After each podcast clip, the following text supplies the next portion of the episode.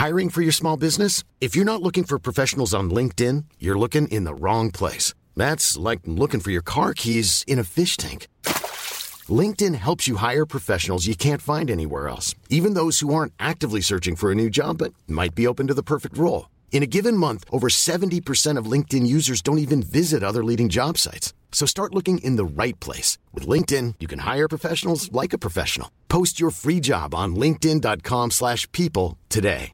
Cool fact a crocodile can't stick out its tongue. Also, you can get health insurance for a month or just under a year in some states. United Healthcare short term insurance plans, underwritten by Golden Rule Insurance Company, offer flexible, budget friendly coverage for you. Learn more at uh1.com.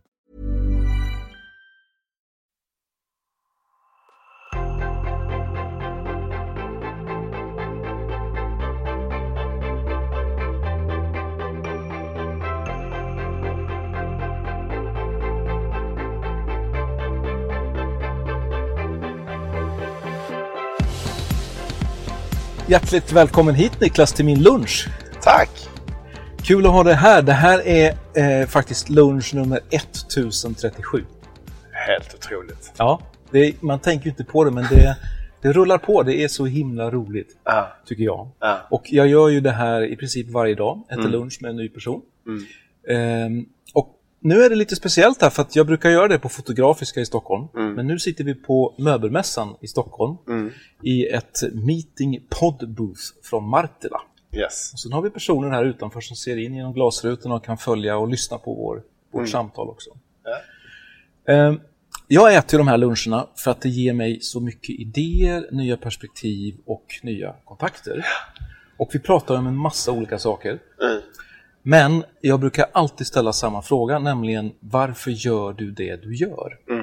För att jag tycker det är så intressant att ta reda på vad är det som driver dig som person, vad är din passion och ditt engagemang?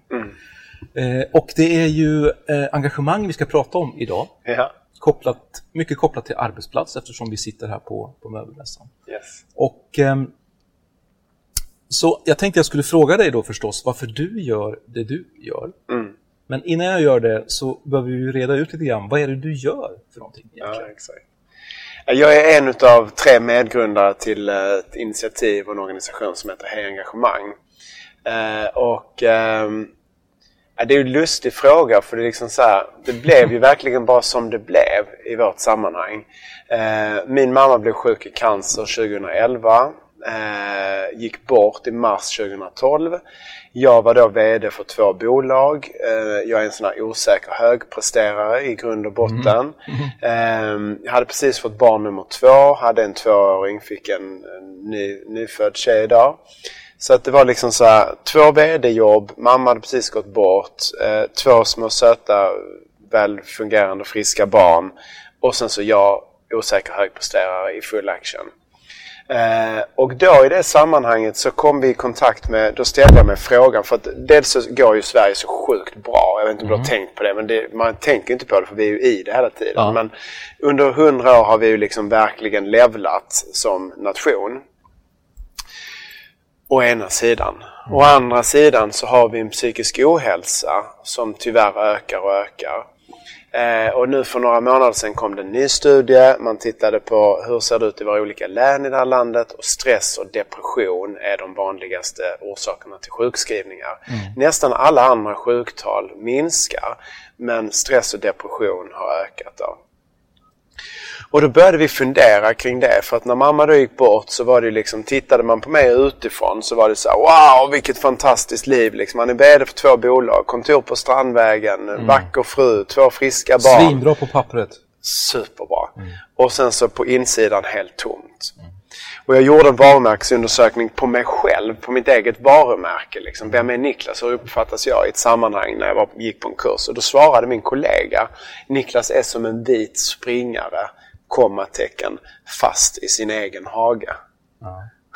och det var, och så när var, du läste första delen av meningen så tänkte du så här, ja det är ganska nice. Ja.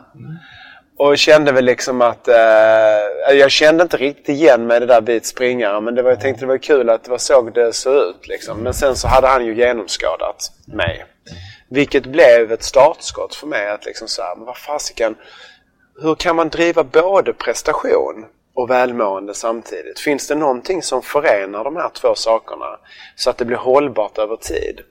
För jag var trött. Jag var, liksom, jag var riktigt sliten. Eh, jobbade många timmar, uppe på nätterna, skulle vara superpappa, superkollega, super-VD, super på alla sätt och vis. Liksom. Partner till min fru eh, och så vidare. Och så vidare. Och jag tror många känner igen sig i det. Liksom. Eh, och jag blev trött av det. Och då började jag fiska lite efter, så hur kopplar egentligen välmående och prestation samman? Vad är det som liksom, finns det någonting där? Och då visade det sig när vi började leta efter fakta kring det mm. i forskning att motivation, engagemang eh, är ett bra medel för att skapa välmående och prestation samtidigt. Mm. För det är ju ingen brist på press på resultat i vårt samhälle idag. Nej. Alltså det är ju liksom, det trycker vi mycket på. Mm. Men välmåendet då har det blivit på bekostnad av, är mm. min upplevelse. Så vi har skapat ett högpresterande samhälle där vi mår sämre och sämre. Och det vill vi förändra. Så det är det här engagemang arbetar för. Att skapa liksom Ja, men vi har en vision som är att vi vill bli fler som går till ett arbete vi brinner för. Att vi går dit för att vi vill och inte för att vi måste. Men, men hur, ser det ut, hur ser det ut egentligen då? För att du var ju inne på det. Psykiskt, eh, vad heter det, psykiskt illamående heter det? Ja, psykisk ohälsa. Psykisk ohälsa, ja. precis, mm. ökar ju. Eh, hur, hur, ser det ut när det gäller engagemangs, engagemangsnivån på svenska arbetsplatser? För man kan ju faktiskt mäta det. Ja. Det är ju spännande. Vi, vi tittade ju då 2012-13 på en undersökning som Gallup har gjort och den har blivit lite ifrågasatt i vissa sammanhang för den är amerikansk i sin grund eh, och i sin natur. Så den är lite så här, ja, men anglosaxisk bias liksom. Eh, men med det sagt så går det att jämföra då mellan olika nationer. Och Sverige just nu har ett engagemang enligt det sättet att mäta på 14 procent. Att vi har 14 procent av svenskarna säger sig ha förutsättningar för att känna engagemang. 14 procent, det är ju en hyfsat låg siffra. Ja, det, alltså det är jättelågt. Ja. Liksom. 75 procent sägs är neutrala, är oengagerade kallas det för i deras sätt att liksom facka in i fack. Eh, och 11 procent är aktivt oengagerade. Och det här gänget är ju de, de motarbetar ju. Det, de är motarbetare, inte medarbetare. Och tar man de här 100 personerna uppdelade på de här procenten och tittar på dem som ett idrottslag till exempel. Ja, då har du en person som försöker göra mål i motståndarens mål. Då åtta som tror det är en träningsmatch och bara står och passar på mittfältet. Och du har en som försöker göra mål i eget mål. Sätter de på en cykel istället och försöker cykla över ett gupp. Ja, då går den här cykeln ganska långsamt. För det är ju bara en av tio som faktiskt trampar mm. i den riktning vi har sagt vi ska trampa. Mm. Kommer det ett gupp då kommer cykeln stanna sannolikt. Mm. Därför vill vi arbeta för att vi ska bli fler som är gröna då, som är sådana 14 procent. Alltså vi blir fler. Mm. För då kommer vi kunna ta oss över de här guppen på ett helt annat sätt mm. än vad vi kan idag. Mm. Så, så just nu så mår vi okej okay i det här landet skulle jag säga. Så psykisk ohälsa ökar. Vi känner oss okej. Okay. Vi känner oss nöjda. Mm. Alltså typiskt svennebananigt lagom liksom. Vi mm. trivs på jobbet de flesta. Men vi, vi älskar inte det. Mm. Alltså det är skillnad.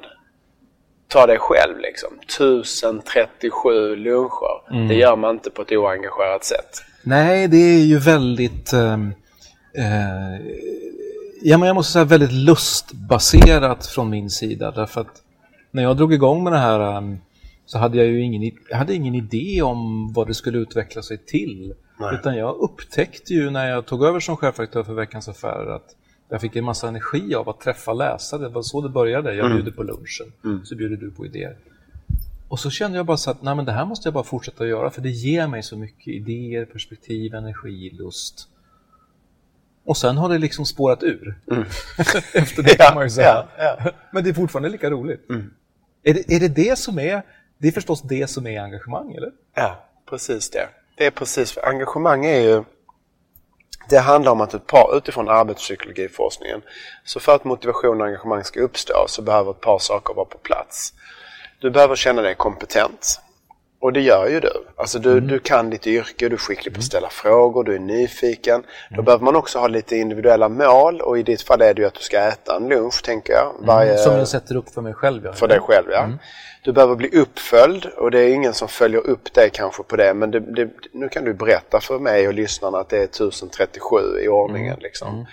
Mm. Det är ju coolt att vara nummer 1037 tänker jag. och sen så ska man ha rätt material så du behöver ha saker och ting som eh, fungerar. Du behöver ha en dator som funkar, du behöver ha en podd eh, som funkar och så mm. vidare och så vidare. Sen behöver du känna dig autonom. Mm. Så du behöver känna dig att du får vara med och påverka huret.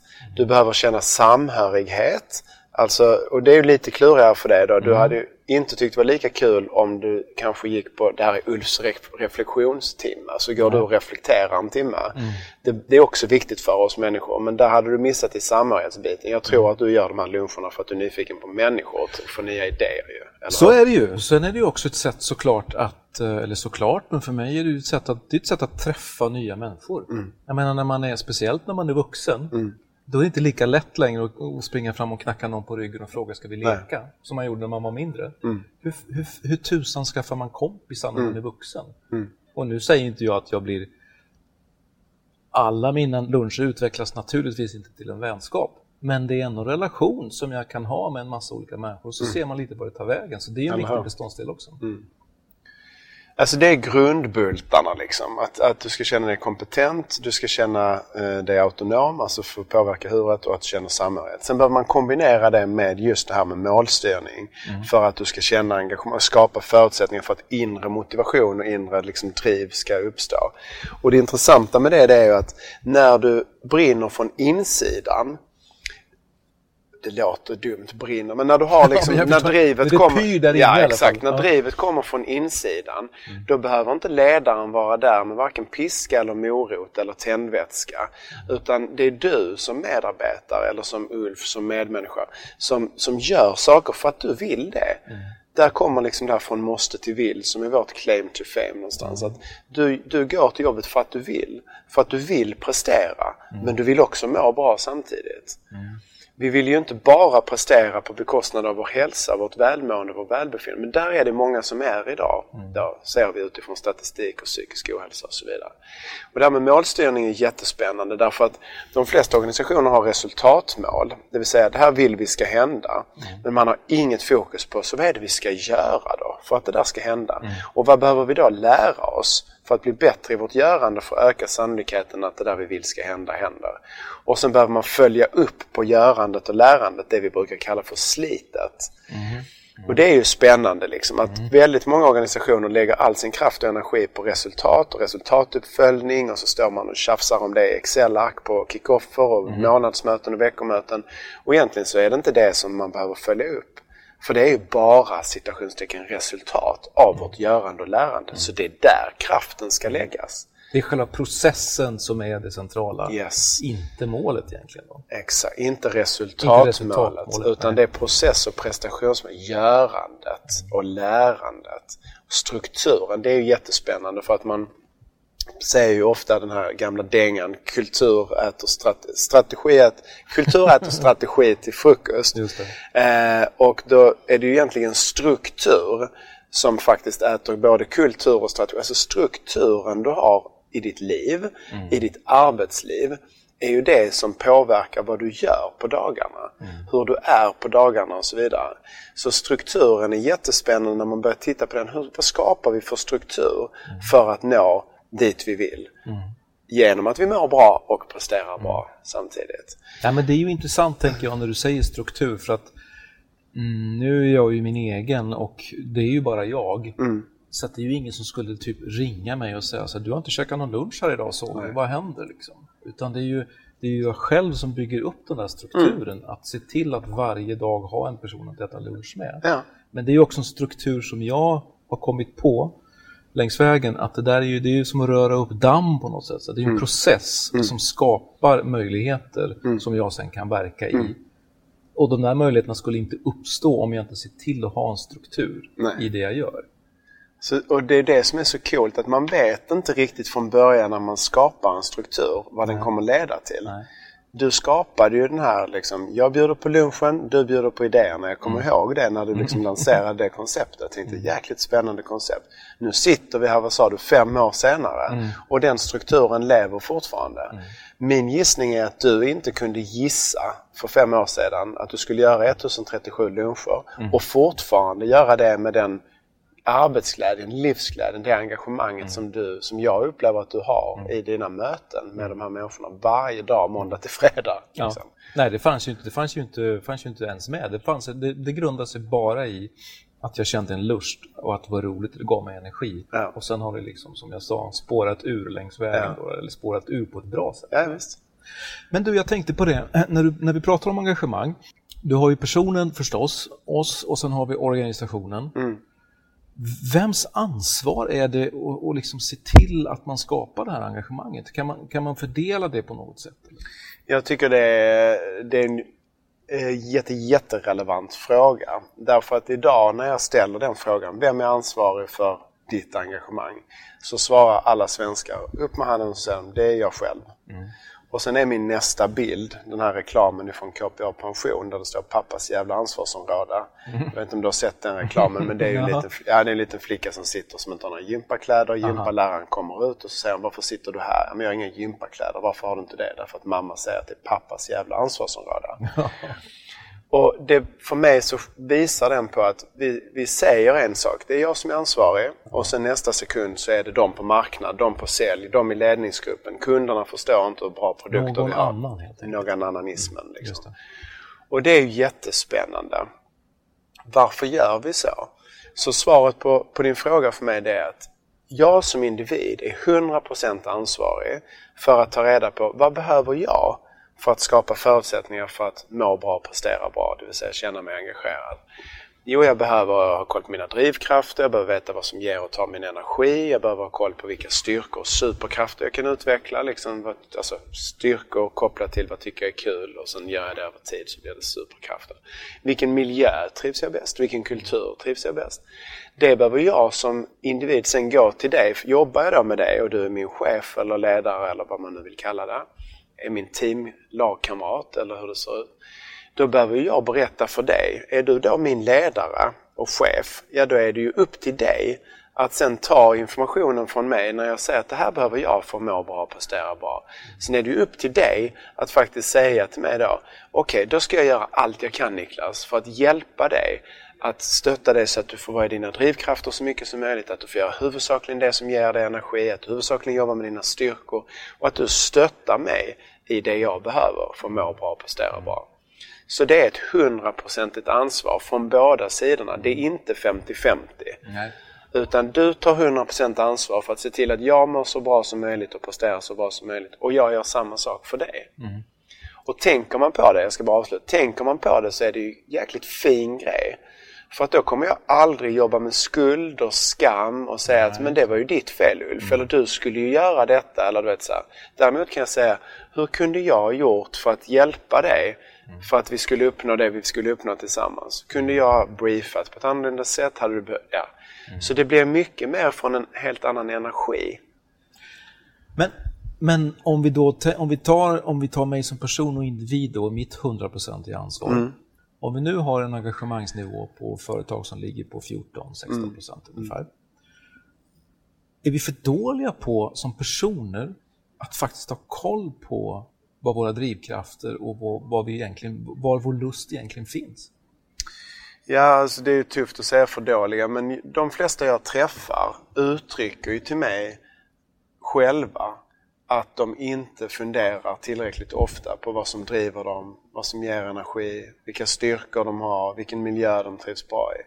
Och jag tror det är därför att vi är ju lite sadist, sadomaso med oss själva. Mm. Alltså det är så här, vi slår rätt hårt på oss själva. Vi ska vara superpappa och allt det där jag sa mm. tidigare. Vi ska liksom vara så jäkla bra överallt. Och när vi blir pressade och vi ska klara någonting ytterligare och vi får ytterligare press utifrån så går vi oftast till oss själva. Mm. Och så sover vi mindre, äter framför datorn, skiter i att träna. Allt det här som Anders Hansen pratar om att vi behöver göra. Som vi alla vet att vi behöver göra mm. men som han har sålt 600 000 böcker på. Vilket är fantastiskt och det är jätteviktigt att han driver den frågan. Men det är ju intressant för vi vet ju de där sakerna. Men det är det naturliga vi går till. för att jag ska ju klara det själv. Liksom. Och då skapar vi väldigt lite tid för reflektion.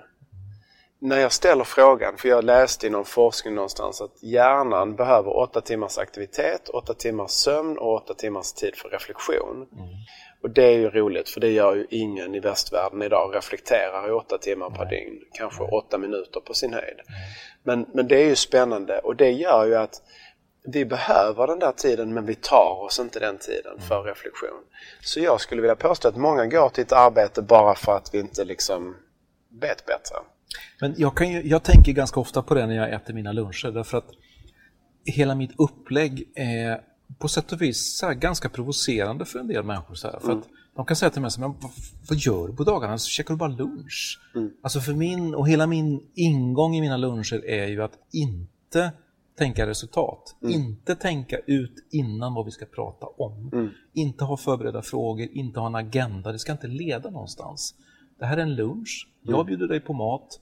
Du kommer hit, jag ställer frågan till dig. Mm. Varför gör du det du gör? Och så mm. får du berätta för mig. Nästan lite som att lägga sig på soffan, liksom. Ja, eller på divanen. Sådär, i. Och jag får ganska ofta de reaktionerna, många reaktioner som säger så det här, det här har jag inte pratat med om någon. Jag har Nej. inte riktigt tänkt på den här frågan Nej. tidigare.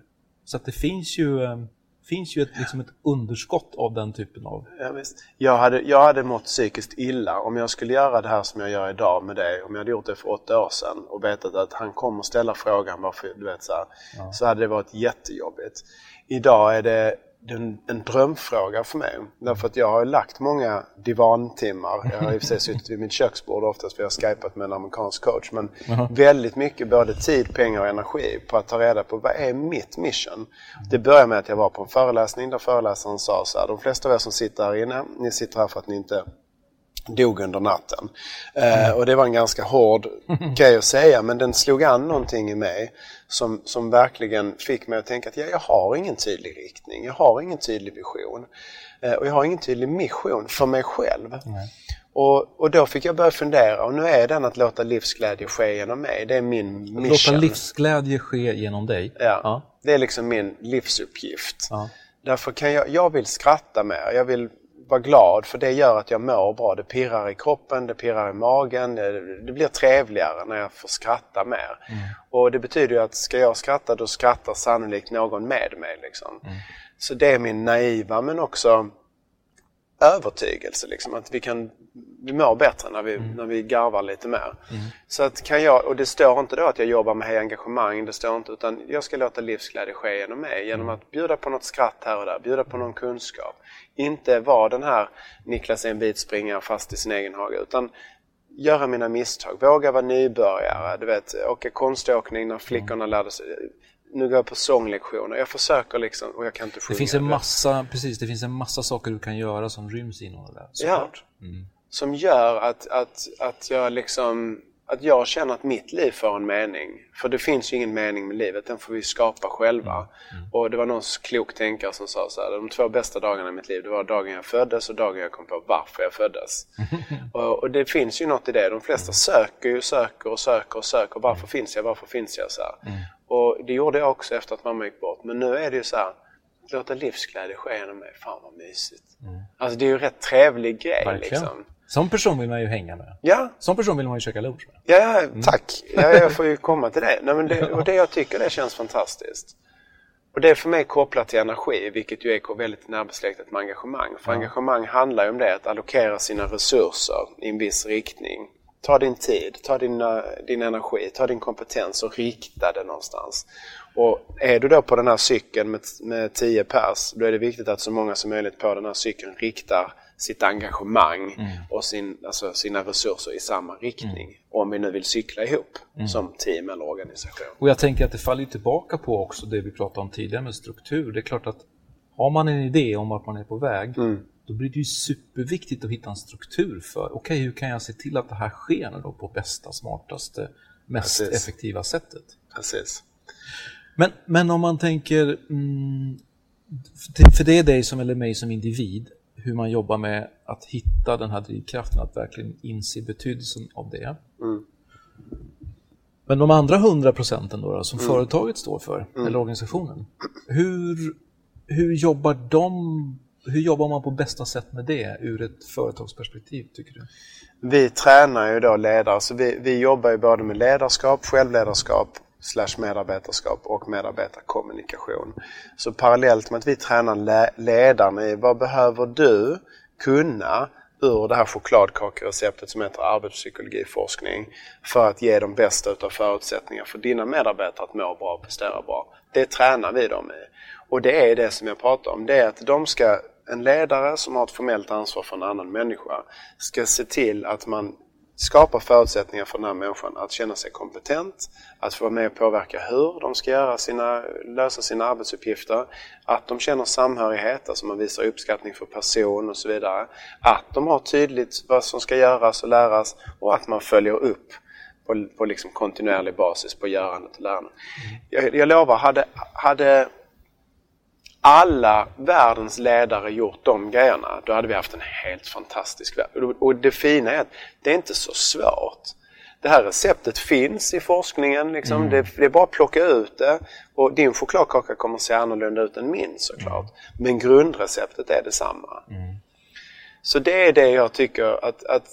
Så det är själva görandet som behövs på något sätt? Ja, Alltså det, den här kunskapen, det är ju jätteintressant för att forskare, du vet ju en forskningsrapport, avhandling läses av i snitt, om jag har läst rätt, 3 till 7 personer. Mm. Det är ju hemskt. Tänk så mm. mycket tid och tänk så mycket klokskap som finns i vetenskapen. Mm. Och när det gäller arbetspsykologiforskning så finns det metaanalyser, alltså tusentals studier som mynnar ut i det här som vi nu har plockat fram. Då. Bara, det enda vi gör det är att vi tar ju de här avhandlingarna och, och paketerar dem på lite enklare mm. svenska mm. och säger att okej, okay, se till att dina medarbetare känner sig kompetenta, autonoma, känner samhörighet, har tydliga göromål och läromål och sen så blir uppföljda.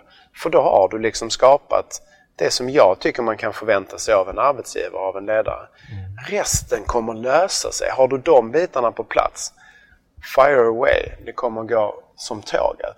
Och det, det, är ju de resultaten vi ser i de programmen vi gör. Mm. Helt sjuka resultat på ganska kort tid.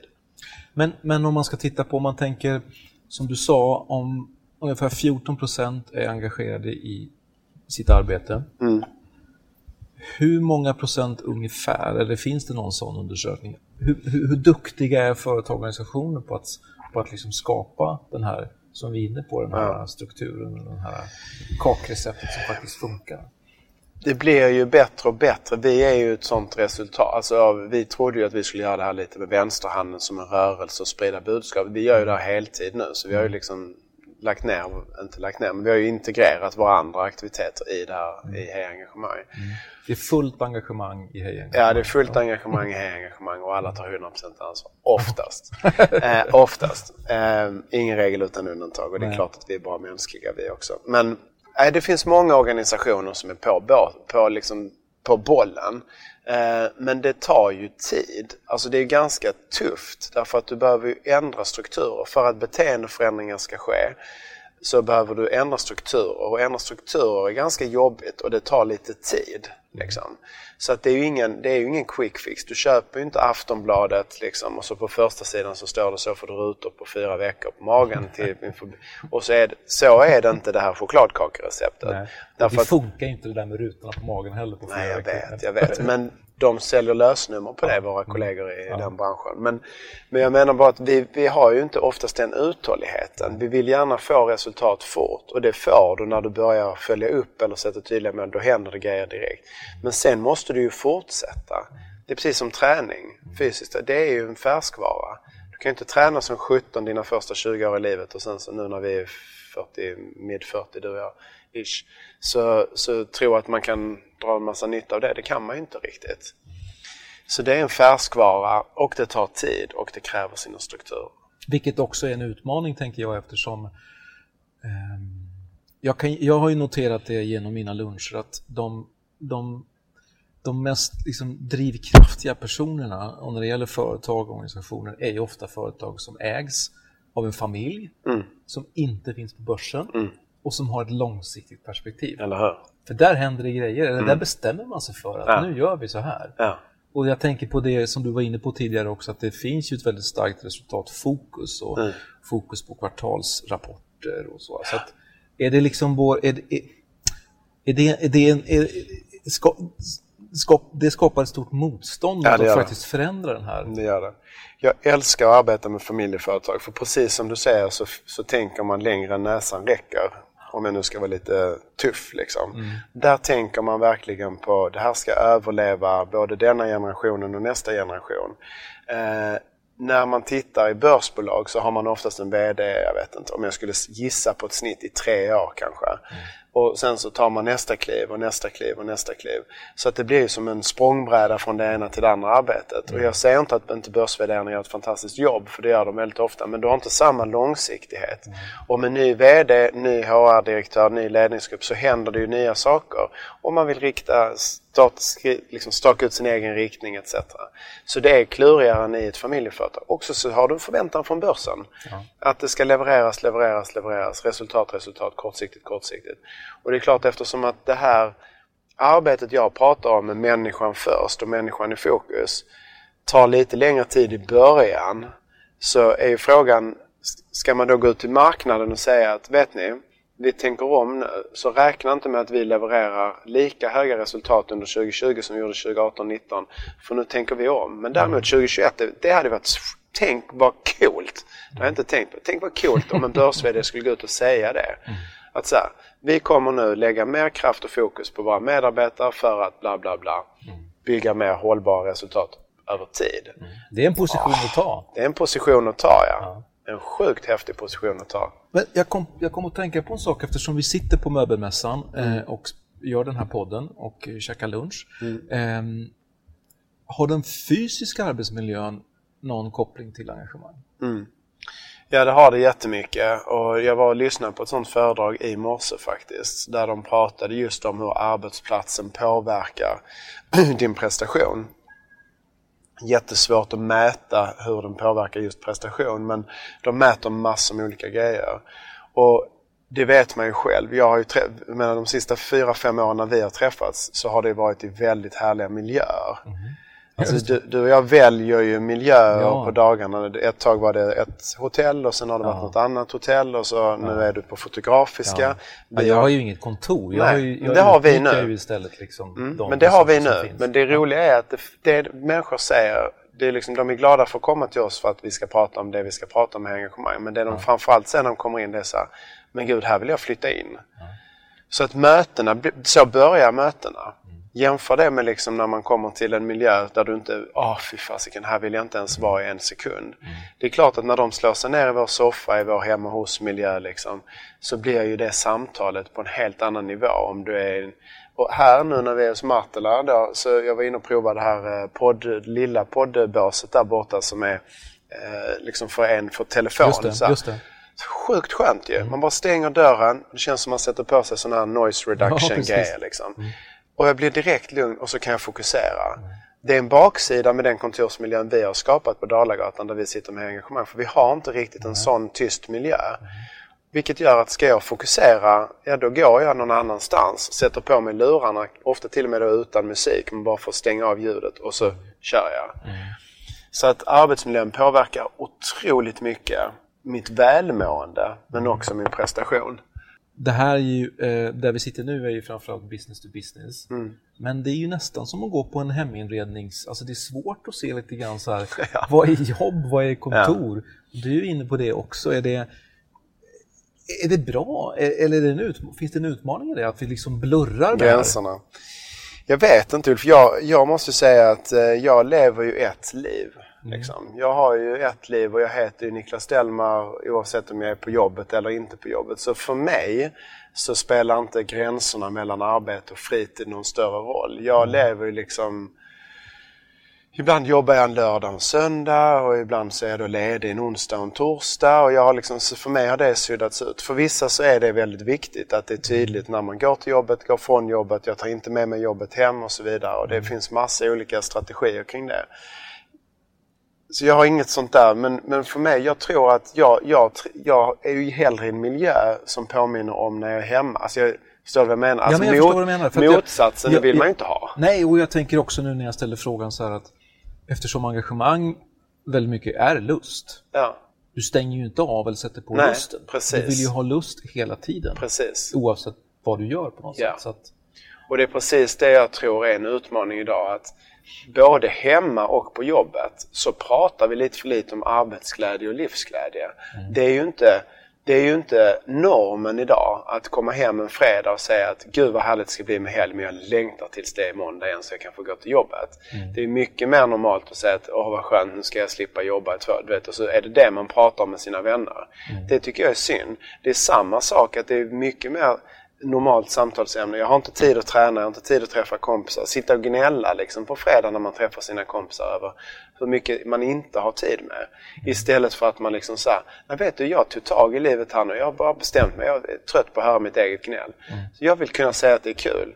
Och så är det för mig jag, jag, och jag tycker det är provocerande att jag behöver fundera på det som provocerande. Jag la ut ett inlägg i morse för att det togs en bild på mig när jag föreläste här på mässan i morse. Mm. Där jag ser jätteglad ut. Och jag var så glad. Mm. Och då skrev jag så här, jag älskar mitt jobb. Du vet, så här, nu har jag bara fått hejarop hittills. Mm. Men liksom, jag vet att det kommer sitta någon som känner att, att det där är irriterande. Mm. För att de har inte samma känsla kopplat till sitt jobb.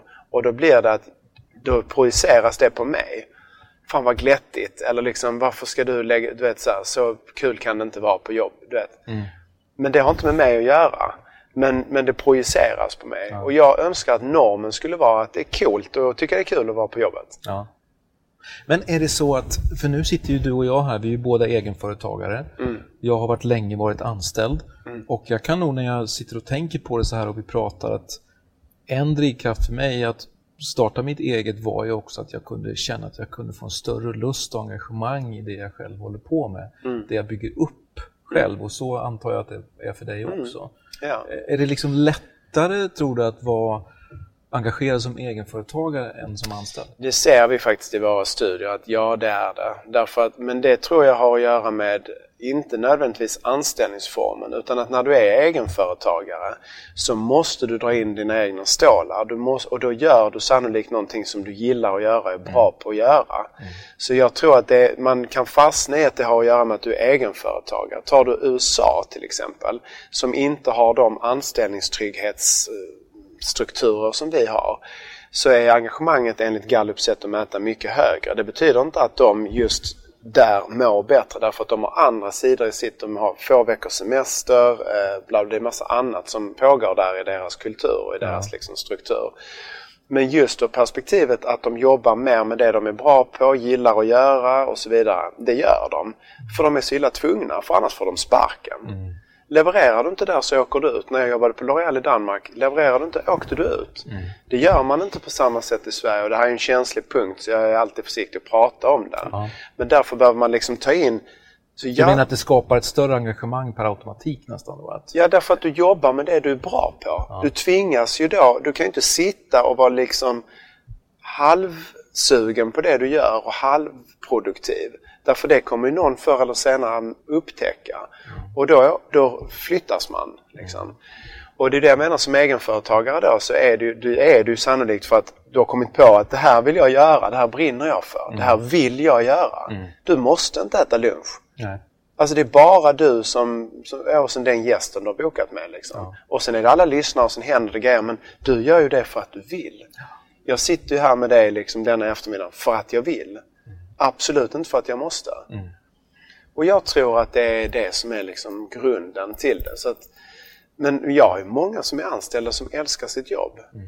Alltså skapar det många som tycker om den tryggheten. Det kommer en lön varje månad, upplever man liksom som en trygghet. Och, eh, och har du då ledarskap och förutsättningar för att må bra och prestera bra, ja då är det en fantastisk anställningsform. Jag är ju anställd i mitt eget bolag, vi är fyra nu. Mm. Jag är inte egen-egen.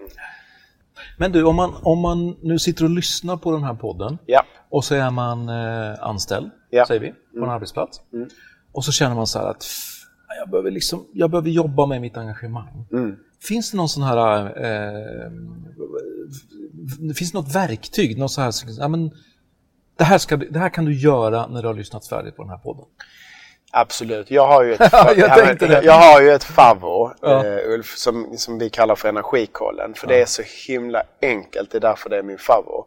Du behöver egentligen bara en A4 papper eller A5, liksom ett vitt papper. Du ritar, en penna behöver du. Så ritar du ett litet T-kors och så skriver du plus på vänstersidan och mm. minus på höger. Mm. Sen börjar du lista, vad gillar du att göra kopplat till ditt arbete? Vad får mm. du energi av? Och på höger sida så skriver du saker som tar din energi kopplat till ditt arbete. Och när du har gjort det där och du tar det lugnt, låt det få ta den tid det tar, så tittar du på det där för då har du plötsligt visualiserat en vanlig arbetsdag eller en arbetsvecka. Och så tittar du på så här, okej, okay, upplever jag att jag huvudsakligen gör saker jag får energi av på dagarna eller inte? Det vill säga, får jag överskott? Gör jag mer av plussidan eller mer av minussidan så har du överskott och underskott. Jag menar inte att du kommer vara piggare när du går hem. Nej. Det är inte det som är poängen. Fast jag, i bästa fall kanske? I eller? bästa fall kanske. Mm. Mm. Men jag vill i alla fall att du ska vara mer sugen på morgondagen än du var när du vaknade i morse. Mm. Det är liksom kontentan. Så en bra kontrollfråga att ställa sig är jag mer eller mindre sugen på att gå upp imorgon än vad jag var i morse? Det mm. kan man göra när man går och lägger sig. Ja. För då vet du att ja, då har jag nog gjort mer saker som jag liksom gillar att göra. Och sen gör man den där, så då tittar man på plussidan, minussidan, skattar om du har överskott eller underskott. Sen så säger man vad tänker jag om det? När jag tittar på det här så får du tid att reflektera. Sen vänder du på pappret och så skriver du hur vill jag det ska se ut? Mm. Och så skriver du ner hur du vill att det ska se ut i förhållande till energi kopplat till arbetet. Och sen skriver du, så vad vill jag då börja göra? Fortsätta göra? Göra mer av? Vad vill jag sluta göra? Är det något jag behöver pausa? Är det något jag vill delegera? Och då är det inte dumpa skit jag pratar om utan mm. då ska du ta något från din minussida och ge till någon som har motsvarande grej på sin plussida. Mm. Så är det någon som älskar kvittoredovisning mm. och du har det på din minussida, för guds skull ge den till dem. Mm. Det, försök hitta någon som gör det. Exakt, ja men det finns. Vi hade en tjej som hette Annika som jag jobbar med. Hon gillade det. Men hon är inte kvar där. Men, men hade inte med kvittoredovisning ja. Men energikollen är ett konkret tips.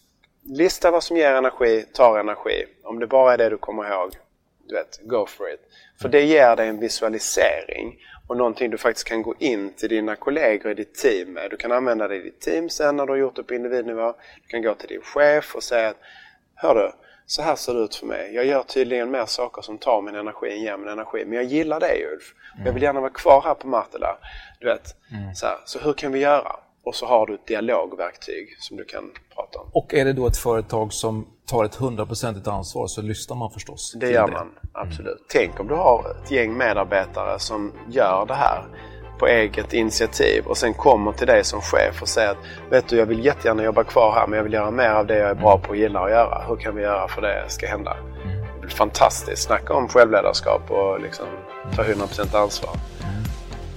Tack för ett väldigt eh, konkret verktyg i ett ganska, ja, men lite abstrakt ämne får man ja. väl ändå säga, ja. som engagemang. Fast det är liksom superviktigt men ändå ganska stort. Mm.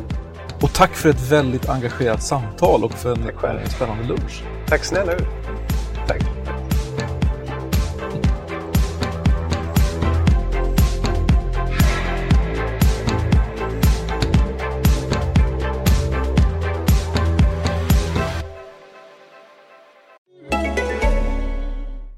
Hi, this is Brooke Devard from Naked Beauty. Are you tired of feeling housebound? I sure am.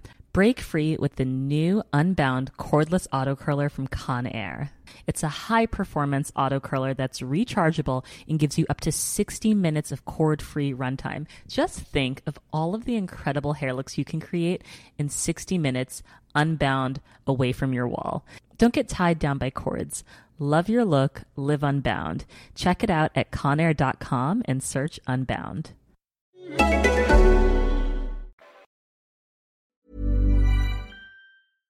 Flexibility is great. That's why there's yoga. Flexibility for your insurance coverage is great too. That's why there's United Healthcare Insurance Plans.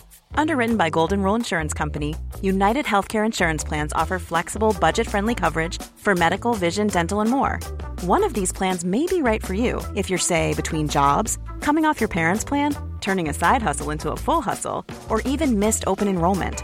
Want more flexibility? Find out more about United Healthcare Insurance Plans at uh1.com. Mom deserves the best, and there's no better place to shop for Mother's Day than Whole Foods Market. They're your destination for unbeatable savings, from premium gifts to show-stopping flowers and irresistible desserts. Start by saving 33% with Prime on all body care and candles. Then get a 15-stem bunch of tulips for just $9.99 each with Prime. Round out Mom's menu with festive rosé, irresistible berry chantilly cake, and more special treats. Come celebrate Mother's Day at Whole Foods Market.